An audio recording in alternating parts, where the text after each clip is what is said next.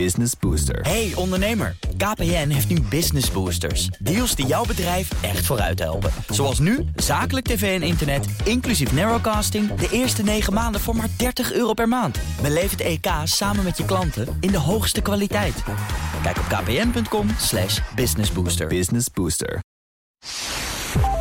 Ik zat te denken, je hebt vast ook gezien dat Boris Johnson, eh, premier van Engeland, dat hij eh, weer sorry gaat zeggen. Omdat Dat hij... heb ik helemaal niet meegekregen. Nee, oh, nou, op vrijdag eh, werd duidelijk dat hij echt definitief zelf ook persoonlijk boetes had gekregen voor die Ja. lockdown parties. en nou, daar, daar gaat hij nu dan toch nog maar weer een keer sorry over zeggen. Want eerst had hij niet door dat er feestjes waren. En voor, nou, er was elke keer een andere smoes. Ja. Maar uiteindelijk komt het er gewoon op neer natuurlijk dat ze daar bij nummer 10 in Downing Street geen idee hebben dat regels ook voor belangrijke politici zijn. en toen dacht ik. Zelfs aan hier in Nederland. Hugo de Jonge en Ja, ja, ja, van precies. Dissel aan de e-mails. En over Boris Johnson lachen we dan een beetje. Ja. Hè, want dat is een grappige clown. Ja. Eh, maar Van Dissel die krijgt dan, dat was vanmorgen in het ja, nieuws. die heeft zijn privé-e-mail blijkbaar ja, gebruikt. die heeft net als eer- ja, hij heeft- Jonge. maar heel belangrijk, hij heeft eerst een waarschuwing gekregen. Dat is niet de bedoeling, want het is gevaarlijk. Doe het niet. En eh, dus dan zou je verwachten dat de WOP-documenten die nu naar buiten komen... allemaal niet gezwart zijn. Maar er zijn toch ook hele stukken gewoon zwart gelakt Mm. of wit gelakt. Maar dat is gewoon precies hetzelfde. Dat, zijn, dat is toch gewoon een soort regentenmentaliteit van... ja, maar wij zijn nu de regering, de baas. Eh, de regels zijn er niet voor ons. Nou, dat dacht ik Hmm. toen ik vanmorgen over Jaap van Dissel las. Dus Van Dissel moet ook excuses maken. Op zijn minst. Op zijn minst, ja. Kom, we gaan beginnen. Dit is de Nieuwsdag met Mark Beekhuis en Talita Muse... met onze kijk op het nieuws van vandaag, dinsdag 19 april.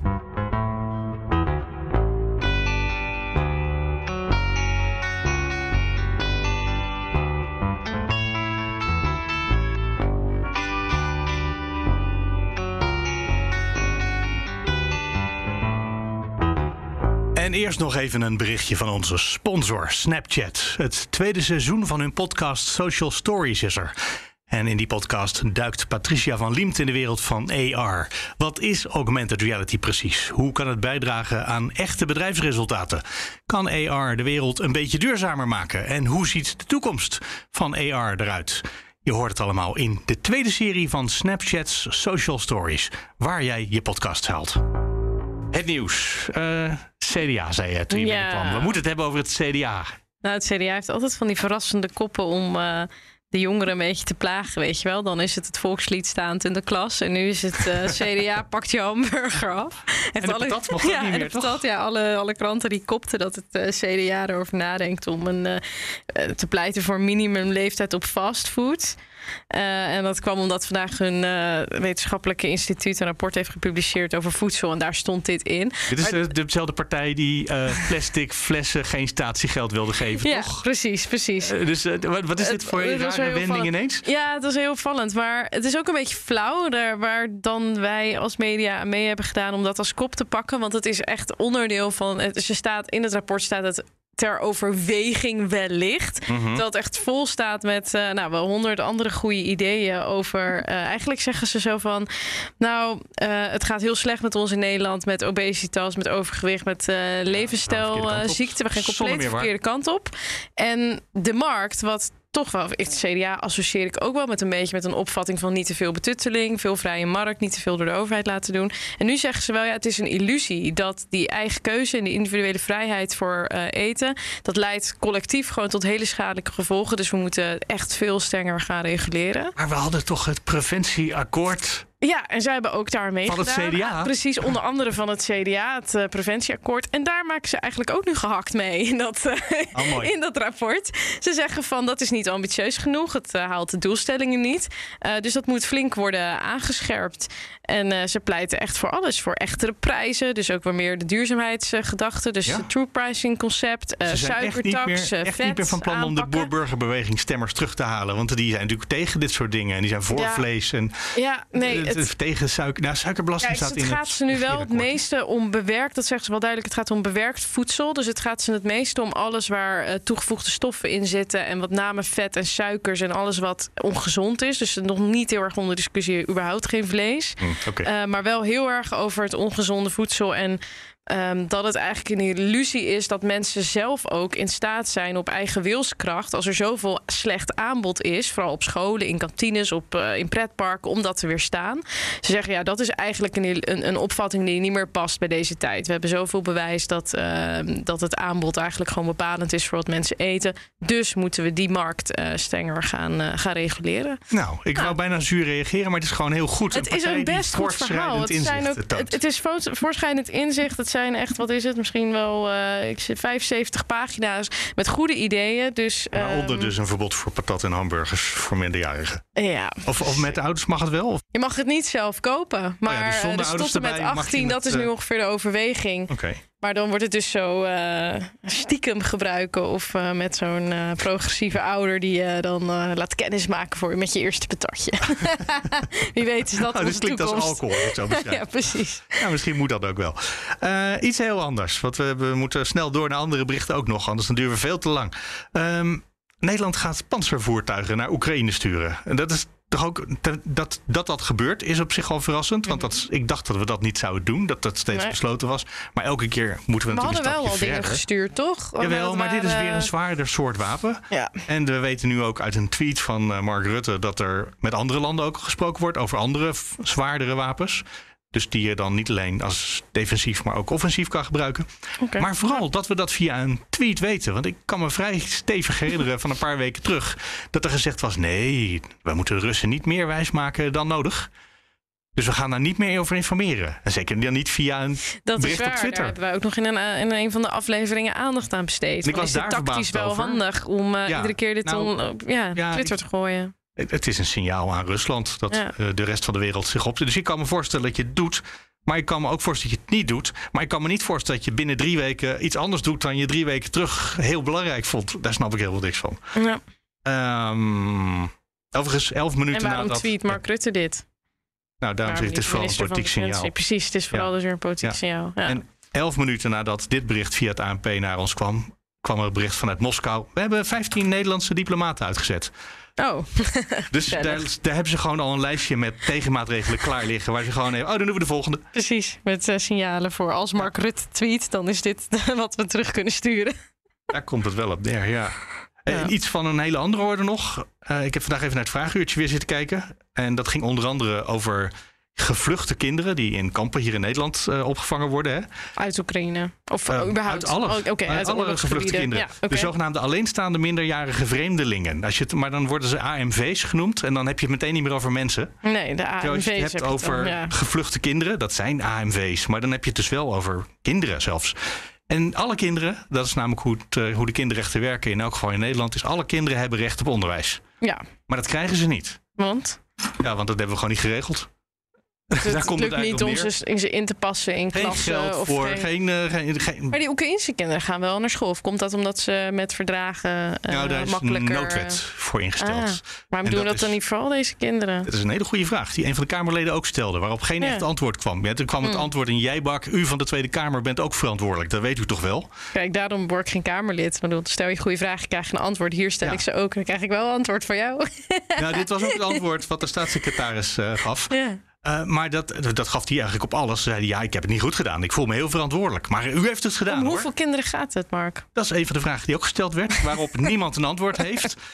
En eh, die komt dan nog over een tijdje. Maar eh, kon niet beloven wanneer. Mm. Ehm, dat is eigenlijk wat de hele lijn van wat er in het vraaguren bij dit onderwerp heen en weer ging. Dat de staatssecretaris eigenlijk op alle onderwerpen die gevraagd werden geen antwoord had.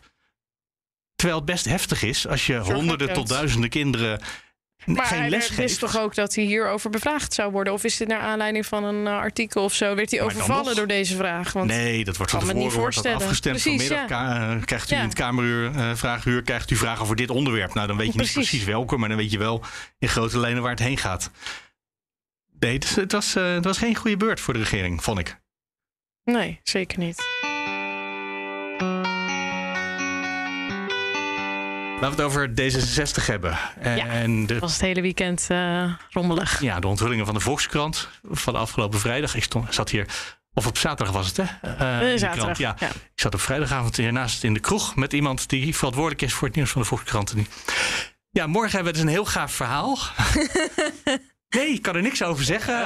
Dan weet, dan weet je wel dat het iets spannends, uh, Ja, iets iemand- politieks wordt. Ja. Ja. we zijn net uit de rechtbank. Ik weet nu dat we het mogen plaatsen. Want er was nog even een rechtszaak ook over of het, eh, of misschien eh, geblokkeerd kon worden. ja, Wat want ook zegt hoe heftig het is voor D66 of Van Drimmelen. Het was in dit geval Van Drimmelen zelf die die rechtszaak Oké. Tegen de Ja, want hij probeerde inderdaad tegen te houden dat Ja. we nu een jaar later het weer hebben over een, een jaar geleden, toen hij ook al in eh, opspraak was beland, wegens eh, grensoverschrijdend gedrag. Ja, me too Ja, mag je het geloof ik wel me zeggen. too Want grensoverschrijdend heb je in soorten en maten.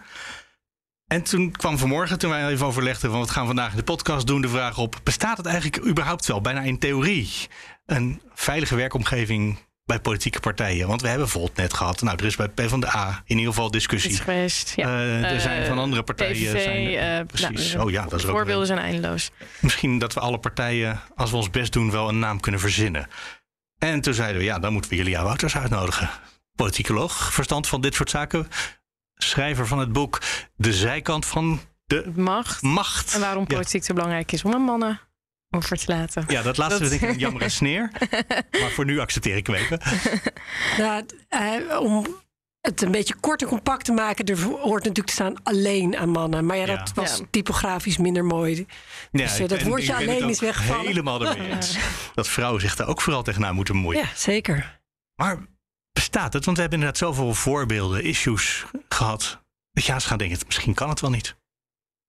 Nou, ik denk dat het heel belangrijk is eh, om je te realiseren dat dit niet uniek is voor de politiek, niet uniek is voor de media. Dat, eh, Oh ja, dat- hebben we nog niet eens benoemd. Maar dat is ook allemaal geweest natuurlijk. Nog Ja. de hele golf van de Voice en daarna andere dingen nog. niet uniek voor voetbalverenigingen. Eh, dat overal waar mannen en vrouwen samenwerken en waar nog steeds een beetje de cultuur bepaald wordt door mannen, dat die toch in hiërarchie vaak boven vrouwen zijn, komen dit soort dingen voor. En bij Volt heb je zelfs gezien dat het ook een vrouw kan zijn die dingen zegt of doet die eh, als grensoverschrijdend worden ervaren. Dus eh, waarom komt het nu in de politiek opeens zo heel veel voor? Ja, dat is een soort van kettingreactie. Als er iemand ergens over gaat praten, dan voelen andere vrouwen zich gesterkt om ook naar voren te komen. Dan voelen ze zich niet meer zo alleen en hebben ze het gevoel: het ligt niet aan mij, ik was niet gek, dit gebeurt ook hier. Maar alleen maar bij progressieve partijen. Ja, Of gebeurt het aan de andere kant wel toch? nou, Ja, het gebeurt PVV. dus. Ja, het, nou ja, kijk, bij de PVV was echt wel heel heftig wat er aan de gang was. Maar dit soort, dit soort meer, weet er is niet verkrachting of eh, echt geweld. Hè, dus Mhm. er komt geen politie bij kijken. Maar het zijn dingen die als heel onprettig en intimiderend eh, ervaren Dat worden. weten we niet helemaal zeker. Ja, in het geval van Van Drimmelen is wel de politie één keer ja, is wel de politie. Jawel, omdat eh, hij haar ja. lastig viel. Hij Ja. stalkte. Ja. Ja, precies. Hè, maar Ja. dat is dus. eh, waarschijnlijk is hij daarna weer een tijdje rustiger geworden. Maar deze vrouw heeft zich heel onveilig gevoeld.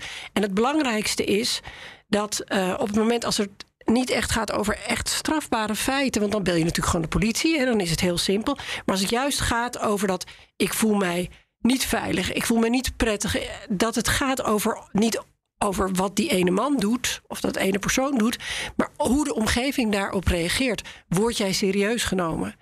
En als je dan kijkt naar dat er vooral bij progressieve partijen nu vrouwen naar voren treden, dan zou ik dat eerder als een geruststellend iets vinden. Want eh, hoe Maar daar meer kan het kennelijk.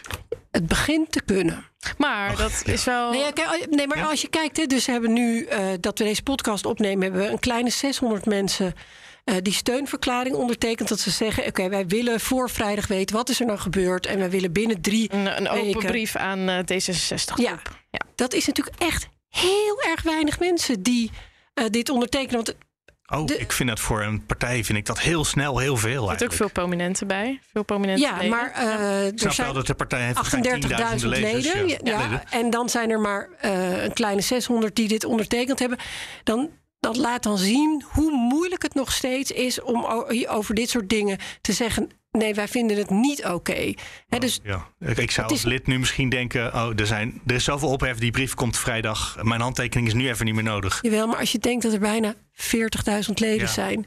en maar na drie dagen nog geen 600 ondertekenaars van die brief. Oh ja, Dan mo- moet je het een beetje in perspectief zijn. Dus Hm. er zijn, hè, ik kijk dan de mensen die ik ken staan, die hun naam eronder. En ik heb ze nog niet gevonden. niet dus allemaal, dat, nee, zeker. dus dat zijn, dan, dan, dan zie je hoe eigenlijk geeft dat aan hoe onveilig het nog steeds is. Hè? Die 19 andere melders hebben ook allemaal gezegd: nee, wij willen niet in het openbare gedeelte met onze klacht.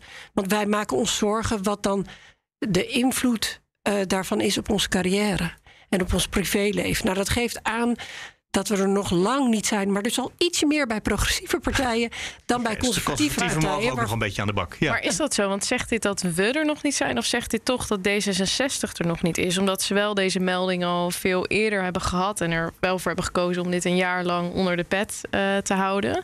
Dus ik snap dat je aan de ene kant het, het wel groot maakt van wij hebben als samenleving een probleem. Dat vind ik ook. Dat hebben we denk ik ook echt. Maar specifiek een partij die ook nu door de afgelopen tijd met MeToo ook weet hoe uh, sensitief dit ligt in de samenleving, kiest er bewust voor dit eigenlijk uh, in de doofpot te stoppen. D66 zit nu in grote problemen. Zij hebben twee bewindspersonen die zich in de, ja, nog heel kort geleden vrij ferm hebben uitgesproken tegen de MeToo bij The Voice.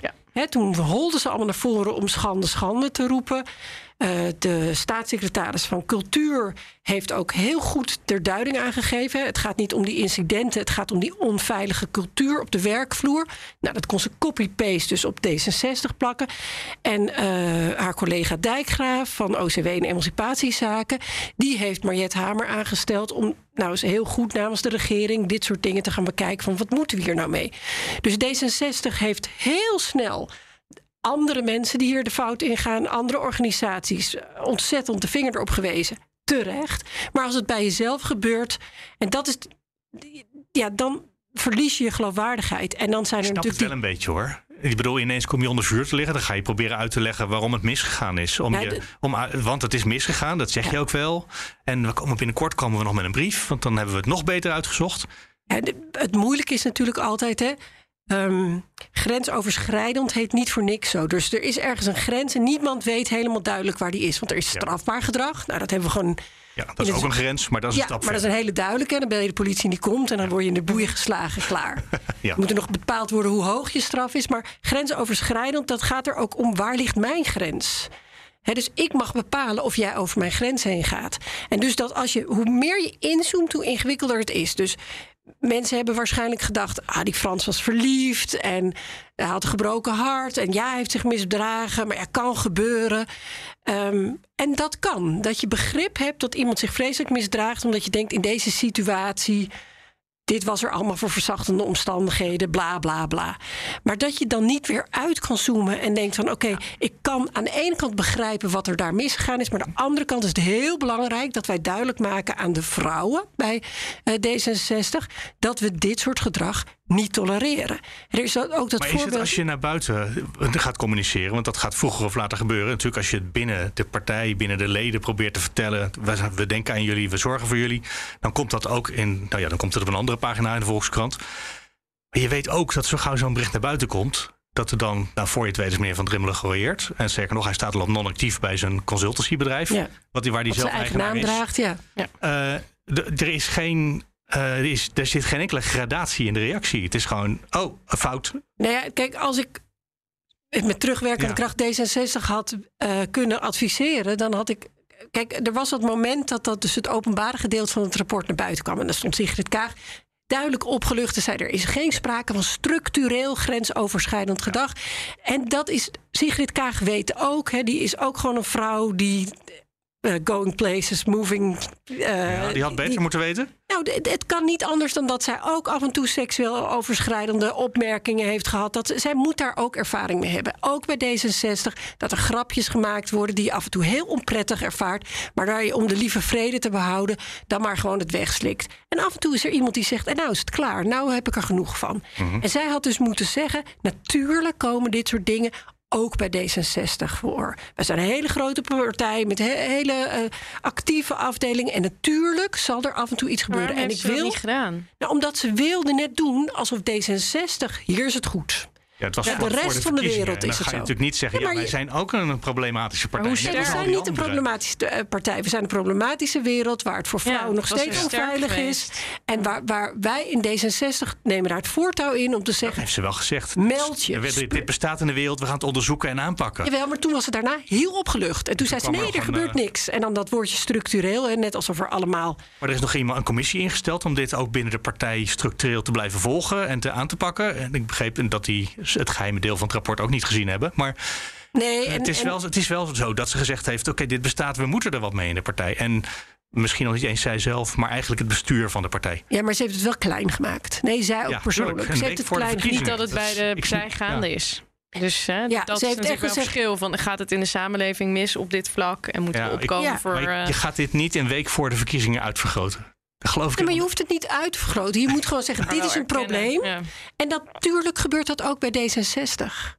Hè, Mhm. d- d- d- we hebben eh, soms de illusie dat dat soort dingen altijd net aan de andere kant van de schutting gebeuren. Maar dat is niet zo. Overal, Ja. bij politieke partijen, bij eh radioomroepen, overal gebeuren dingen die het daglicht beter niet kunnen verdragen. Die niet meteen strafbaar zijn. Maar waar het om gaat is dat we, we moeten er naartoe... dat als er grapjes gemaakt worden die onsmakelijk zijn... en die kwetsend zijn, dat we niet uit beleefdheid gaan zitten meelachen. Maar dat zegt, nou, ik vond het eigenlijk smakeloos. Doe deze maar niet. Ja. Ja, Moet ze nu alles open op tafel leggen? Want er is natuurlijk vast veel meer. Er waren ook al meer mensen die in de krant zeiden dat er andere ervaringen waren. Ook lokaal bij D66, landelijk, ook in de partij. Dat ze te maken hebben gehad inderdaad met vervelende ervaringen. Eh, moet je nu dan gewoon alles op tafel leggen als er nog meer is? het, Buiten in- van Drimmelen. kijk, het ingewikkelde is natuurlijk dat de vrouwen die zelf klagen... meestal willen ze niet met hun naam in de krant. Dus de, er zijn er een paar die dat durven. Ook deze vrouwen die deze klachten over Van Drimmelen heeft... wil zelf helemaal niet met naam en toenaam bekend worden. Dus dat is ingewikkeld. En dat, dat zegt ook al hoe ingewikkeld het dus nog steeds is voor vrouwen... om te zeggen, ik wil dit niet, ik vind dit onprettig. Dan wordt er meteen gezegd, oh, je kan ook nergens tegen. De, je, de cultuur, en die is in de politiek zeker zo... maar die is in heel veel andere organisaties ook zo... is als je hier niet tegen kan, dan heb je hier ook niks te zoeken. Als je mee wil doen met de grote mannen... dan moet je ook een beetje tegen een kunnen. En, en dat is de cultuur, waardoor het heel moeilijk is om te zeggen... Hé, zout even nent op met je onsmakelijk gedrag. Maar hoe verander je die dan? Want hoe kan je zeg maar nu dan nog, als je een Kaag eh, en overigens die hele partij top, die dus eigenlijk ehm, dit verhaal al wisten, die er bewust voor hebben gekozen dit zo een beetje onder de pet eh, te houden, hoe kan je die dan nog serieus nemen om een cu- cultuurverandering waarin je wel slachtoffers beschermt en hoort eh, en, en de cultuur veilig, maar hoe kan je ze daar nou nog in, Nou, mensen in kunnen het hun leven toch beteren? Zou kunnen Ik denk niet nu als jij denken... zelf door een slachtoffer bent gebeld en drie keer die persoon eigenlijk niet te woord wil staan. Wat, Nou, wat heeft zij gedaan? Ja. Eh, en dan doorverwijst. eh, En ondertussen nog het podium opgaat we- met het goede deel niet- van een rapport. Ja, we kunnen toch Midden in hele MeToo-tijdperk. partij. Zij kan kan toch niet nu een hele generatie afschrijven van mensen die het ooit een keer En verkeerd niet de hele heeft. generatie, maar zij heeft laten zien, Kaag, dat ze in dit tijdperk het niet snapt. Is, ik weet niet hoor, het is mijn optiek, Eens? maar ik weet niet hoe jij dat ziet. Weet Ja, nee, ik ben, ik ben het ermee eens. Ze heeft bijzonder ongevoelig eh, gereageerd. En het kwam haar waarschijnlijk goed uit dat ze eh, kon eh, doen alsof dit allemaal bij D66 dus niet aan de orde is. En dat- dat vind ik echt een strategische fout. Ik voorspel dat nu het bes- bestuur moet aftreden. En dan eh, is er toch een kop gerold. En dan, eh, dan kan het bestuur zeggen: wij hebben dit niet serieus genomen. Wij hebben het niet hoger opgespeeld. Dan kan zij net eh, ja, de hachie redden door te zeggen: het bestuur heeft mij niet geïnformeerd. Als ik dit had geweten, ik heb gewoon keurig netjes. De- dus dat, je, ja. nou ja, dat iemand belt en zegt: ik ben nog niet tevreden, dat je die iemand naar de advocaat verwijst. Dat is op zich niet zo raar. Weet je, ik, ik kan me voorstellen dat je als partijleider niet in dat soort individuele Mhm. gedoetjes wil. eh, Ja, nou ja, ze hadden het bij Nieuwsuur raken. gezegd. Mijn deur staat altijd open, bel maar aan. Dat Ja. was dan, dan moet je dat ook waarmaken. Jawel, en dan, eh, En dan bel maar met, aan eh, en dan zegt ze: daar is de advocaat. Ja. En dit is de commissie waar Ja. je moet melden. En dat is het hele probleem met dit. Hè, dat we altijd denken dat als er maar loketjes zijn en een commissie met een code, dat het dan gaat. Terwijl wij zijn allemaal verantwoordelijk om die cultuur te veranderen. Dat betekent als je iets ziet dat je denkt. Dit is echt niet oké. dat je er gewoon meteen op dat moment iets van zegt. En als je dat niet durft, dat je dan daarna iets over zegt. Want het, tuurlijk, weet je, je, je, af en toe loop je een blauwtje. En niet iedereen draagt een blauwtje eh, met evenveel rust. Eh, dus het kan Nee, af precies, toe... want dat moet wel eventueel kunnen blijven gebeuren. Natuurlijk ook op het werk. Dat je iemand tegenkomt die zo leuk is dat je denkt... hier moet ik het proberen. Ja, en als die vrouw dan En zegt... die zegt nee, dan moet het natuurlijk goed aflopen. Dat of snap die ik man wel. zegt, Of vrouw, ja. eh, ik heb hier geen zin in... dan moet zij of hij zich gesterkt weten... dat andere mensen ook voor je opkomen. en Maar ook zeggen, niet meteen denken... nu word ik gestalkt na één keer. Toch? Bedoel, dit is ook een soort... ook of er aan de ene kant een overgevoeligheid. Nee, Nee, ik echt denk, niet. kijk, dat de is het kant- ingewikkelde. Nee, maar, Mark, dat is het ingewikkelde. Grenzen zijn puur persoonlijk. Ja, Als, als, daar kan je geen regels voor maken. kan jij kan hele rare dingen tegen zijn. mij zeggen, dan kan ik vreselijk om lachen. Dan Mhm. ben jij niet over mijn grens heen gegaan. Je kan precies hetzelfde tegen Talita zeggen. En dat, dat Talita zegt, ja, dit, ik vind dit echt heel onprettig. En eh, waar het om Mhm. gaat, is dat Talita moet dan kunnen zeggen... ik vind dit onprettig, Mark, wil je daarmee ophouden? En dat jij moet denken, oh, zij is daar niet van gediend. Julia vond het een dijenkletser. Die had dolle pret om mijn rare opmerkingen. En Talita wil dat niet. Prima. En, en dus dat is ook het ingewikkelde. Als, er, als Ik je heb ook gewoon minder humor. nee. Zeg helemaal niks. Eh, maar, eh, maar het ingewikkelde is natuurlijk, grenzen zijn individueel. En die moet je zelf kunnen aangeven. En dan moet niet het antwoord zijn, je hebt minder gevoel voor humor. Nee, dit is jouw grens. Jij voelt jou er niet prettig bij. Ik weet niet waarom. Misschien heb jij ooit iets meegemaakt. Het is jouw goed recht om je grens aan te geven. Ja, wat mij betreft kan het niet sensitief genoeg zijn. Ik vind die angst van nou, nu mogen we steeds minder of dan wordt het allemaal zo sensitief. Vraag maar eerst iemand op de werkvloer.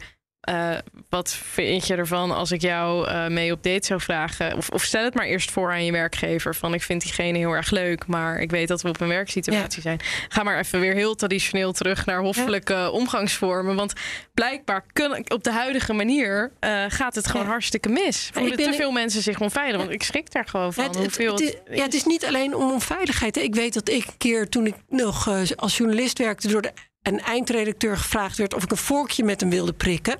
Ik denk dat ik drie uur heb zitten broeden op hoe ik tactvol nee zei.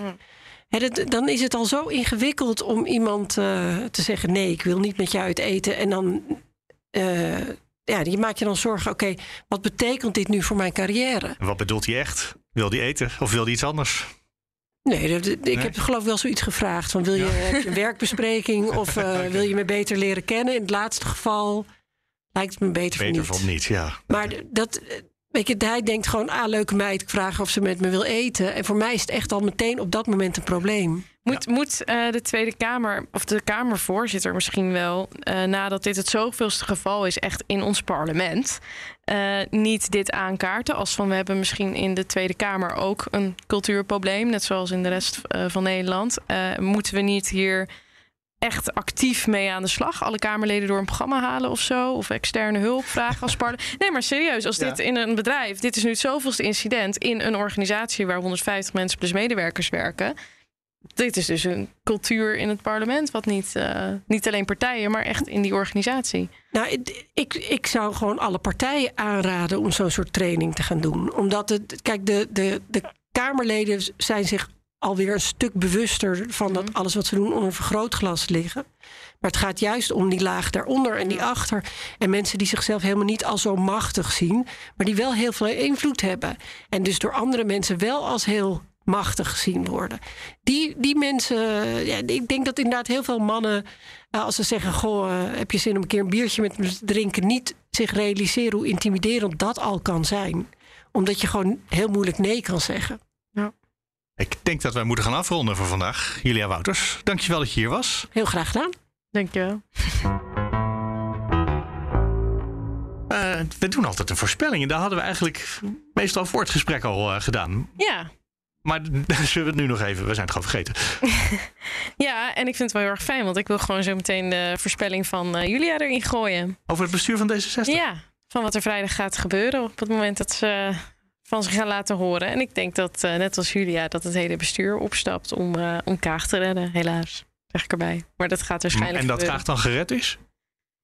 Ja, waarschijnlijk wel, toch? Op het moment dat zij dat bestuur zich ervoor werpt... van wij hebben dat eh, allemaal verkeerd ingeschat... en wij hebben dit verkeerd gedaan. Ja, ze heeft natuurlijk geciteerd uit een onaf document Ja. waar het geheime deel nog niet van klaar was of zoiets. Ja, dus dat kan ze dan waarschijnlijk altijd wel zo draaien dat dat... eh, Nou, draaien, als het feitelijk zo is, is het feitelijk zo dat ze het niet wist. Nou ja, natuurlijk is ze het wel. maar Oké, ja. dus het bestuur gaat in elk geval. Maar en precies. kaag mag ook blijven dan. Precies, precies. Staat. Abonneer je nog even op deze podcast als je dat niet al gedaan had. Maar je hebt tenslotte helemaal tot het einde geluisterd. Dus eh, kennelijk is het leuk. Dan zijn we er morgen weer met een aflevering van de Nieuwsdag. Tot morgen. Tot morgen.